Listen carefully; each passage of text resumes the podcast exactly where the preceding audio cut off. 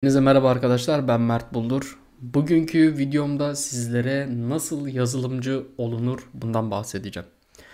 Ee, internet üzerinde baktığınız zaman bununla ilgili birçok video var, ee, birçok anlatım var ama bir de benim tarafımdan dinlemenizi istiyorum.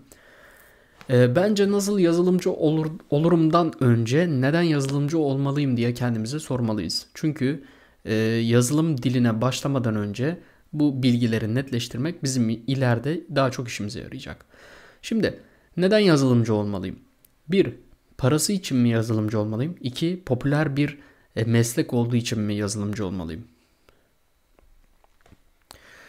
Eğer parası için yazılımcı olmayı istiyorsanız arkadaşlar bence bu işe hiç girmeyin. Veya popüler bir meslek olduğu için e, bu işe girmek istiyorsanız yine hiç girmeyin. Çünkü neden?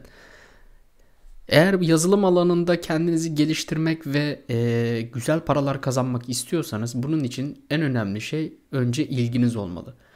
Birçok tanıdığım e, bu işe girmek isteyen arkadaşlar önce merakla bu işe başladılar ve daha sonra bu işten e, ayrıldılar ve başka şekilde hayatlarına devam ettiler. Çünkü bu öyle bir iştir ki eğer ilginiz yok ise hemen sıkılıp bırakabileceğiniz, en ufak bir hata aldığınızda, bir sorun aldığınızda soğuyacağınız bir iş. Bunun için öncelikle bir ilginiz olması gerekiyor. Eğer yazılıma ilginiz varsa bu işten hem para da kazanabilirsiniz, popüler bir meslek sahibi de olabilirsiniz ve hayatınızı bu şekilde de devam ettirebilirsiniz. Yazılımcı şu şekilde e, ifade edebilirim ben size. Bunun için iki e, yol var. Birincisi alaylı, e, ikincisi de mektepli. E, sonuç olarak ikisi de e, yazılımcı oluyor. Ancak şöyle bir şey var. E, bu iş tamamen sizin e, kabiliyetinize ve e, çalışmanıza bağlı.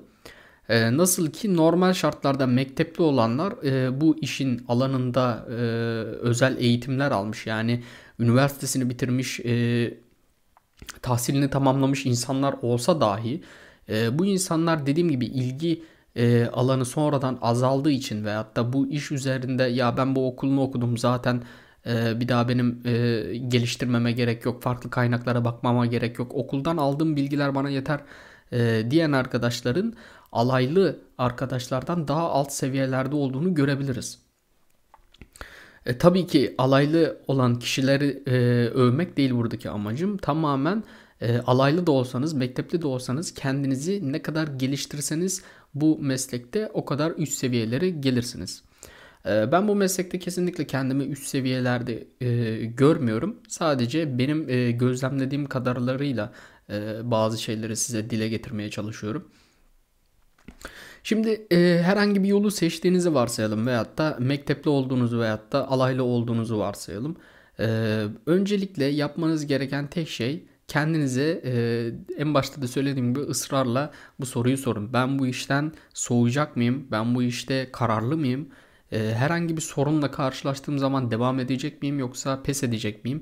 Bunları kendinize sormanız gerekiyor. Çünkü şu anda yazılım alanında bir sürü bölüm var arkadaşlar. Backend seçerseniz e, yani arka planı seçerseniz e, PHP'sinden, Ruby'sinden, ASP'sinden, Python'ından tutun da bir sürü dil var. Golang'ine kadar bir sürü dil var ve sürekli de e, gelişmeye devam ediyor.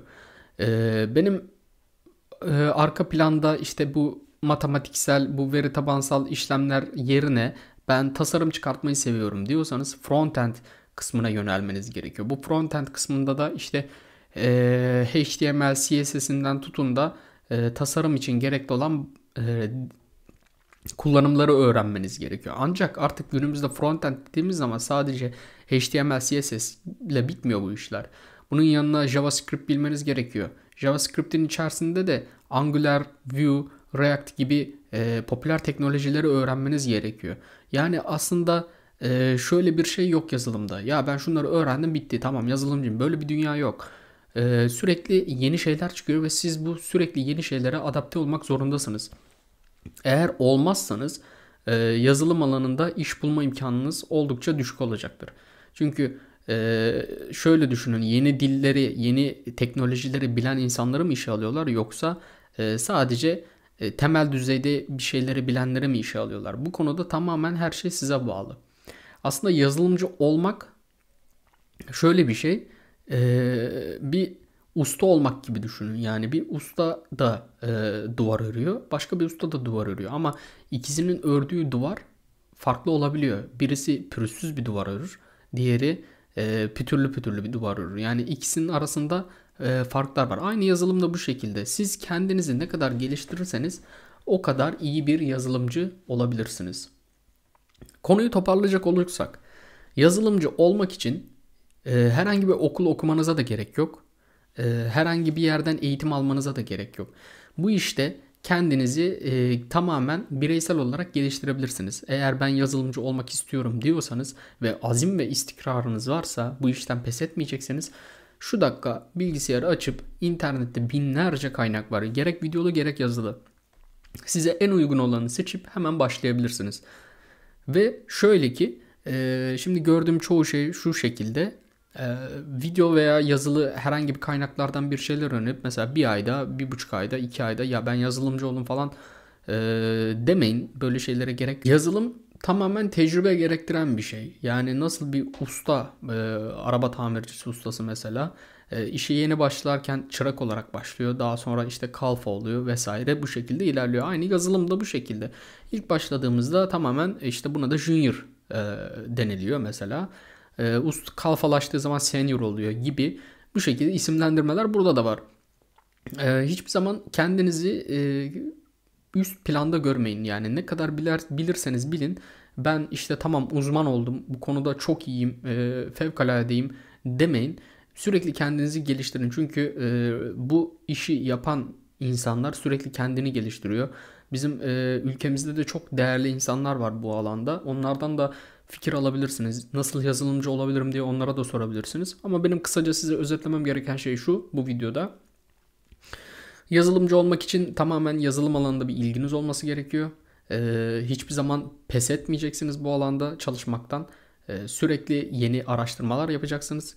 Ee, eğer ki mektepte olmak istiyorsanız bu işin üniversite kısmı var. Üniversiteye e, hazırlanıp güzel bir bölüm, e, güzel bir üniversitede yazılım mühendisliği bölümünü kazanmanız gerekiyor. Eğer alaylı olacaksanız da gerçekten işiniz biraz daha zor. Çünkü size bu alanda eğitim verecek insanlar yok. Yani bir üniversite ortamında bir öğrencilik yaşamayacaksınız. Ne yapacaksınız? Bu işlerde internetten veyahut da kurs veren, özel kurs veren yerlere gidip oralardan e, temin etmeniz gerekiyor.